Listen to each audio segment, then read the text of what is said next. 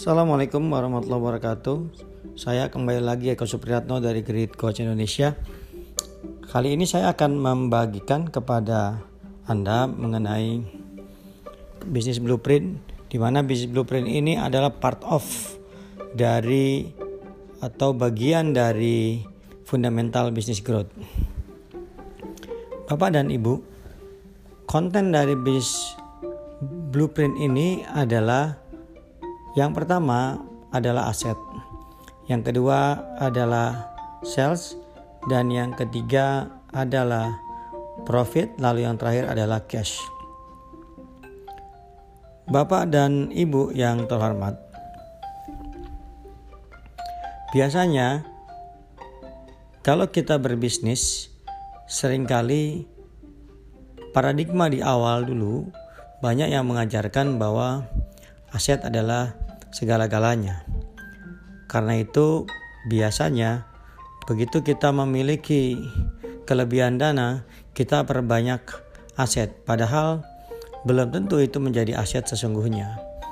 Nah, aset yang sesungguhnya adalah ketika dia memasukkan uang ke kantong kita dan itu tanda bisa menjadi sales.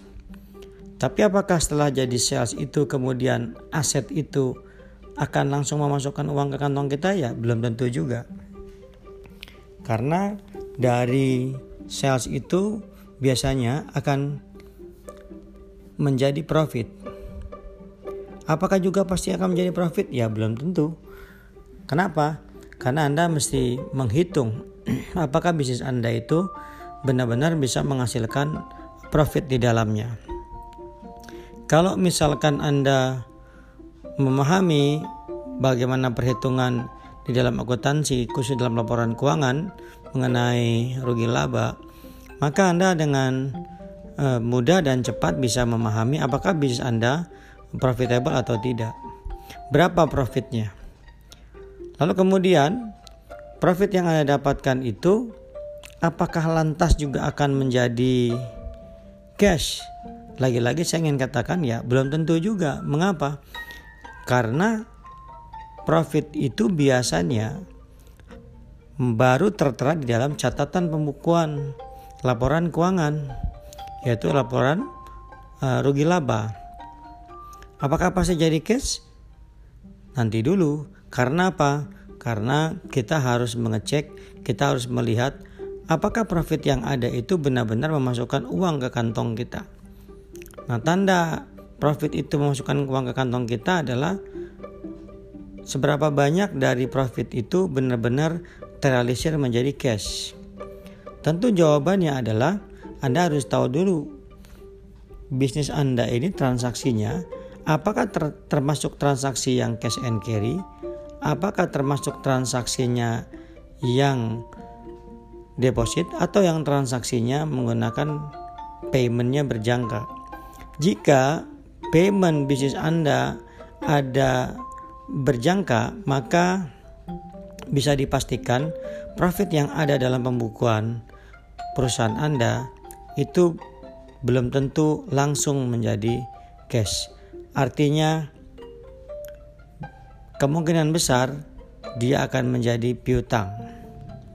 Nah, berarti profit yang Anda miliki itu atau yang ada tercatat dalam laporan keuangan itu belum menjadi cash tapi masih berupa catatan saja atau menjadi piutang.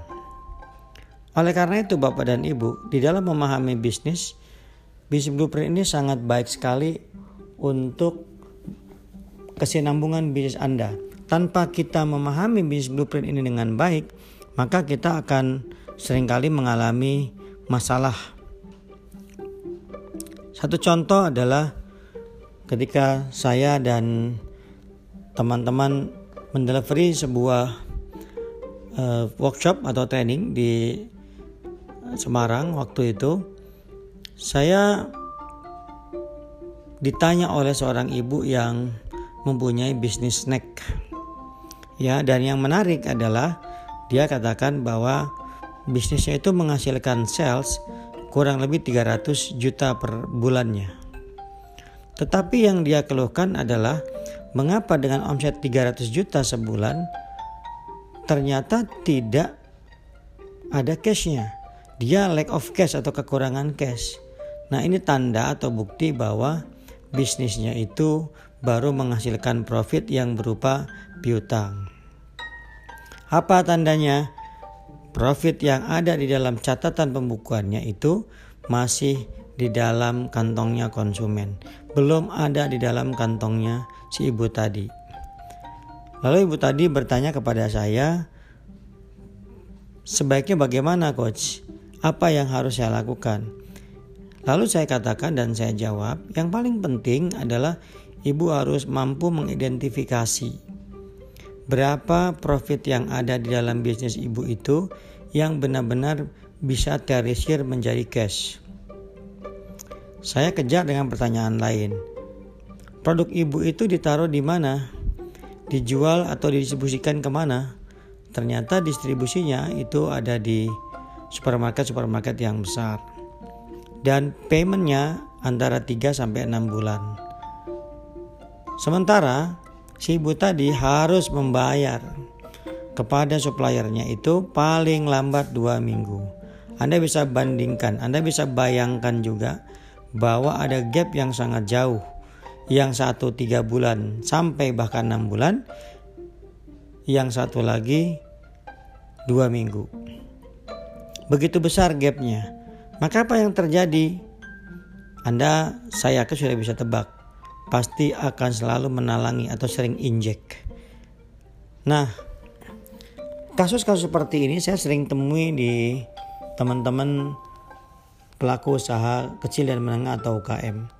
Karena itu melalui podcast ini saya ingin mengatakan kepada Bapak dan Ibu, sebisa mungkin memang bisnisnya itu tidak mengandalkan yang paymentnya itu berjangka atau menghasilkan piutang. Karena biar bagaimanapun pekerjaan menagih itu jauh lebih sulit daripada pekerjaan menjual. So, kalau begitu bagaimana? Anda, kita semua harus pahami cara bekerja bisnis blueprint. Tidak boleh berhenti hanya pada sales saja, tidak boleh berhenti bahkan hanya pada profit, tapi kita harus cari tahu seberapa banyak bisnis kita memasukkan uang atau memasukkan cash ke kantong kita. Demikian Bapak dan Ibu para business owner, semoga manfaat. Saya Eko Supriyatno dari Great Coach Indonesia. Assalamualaikum warahmatullahi wabarakatuh.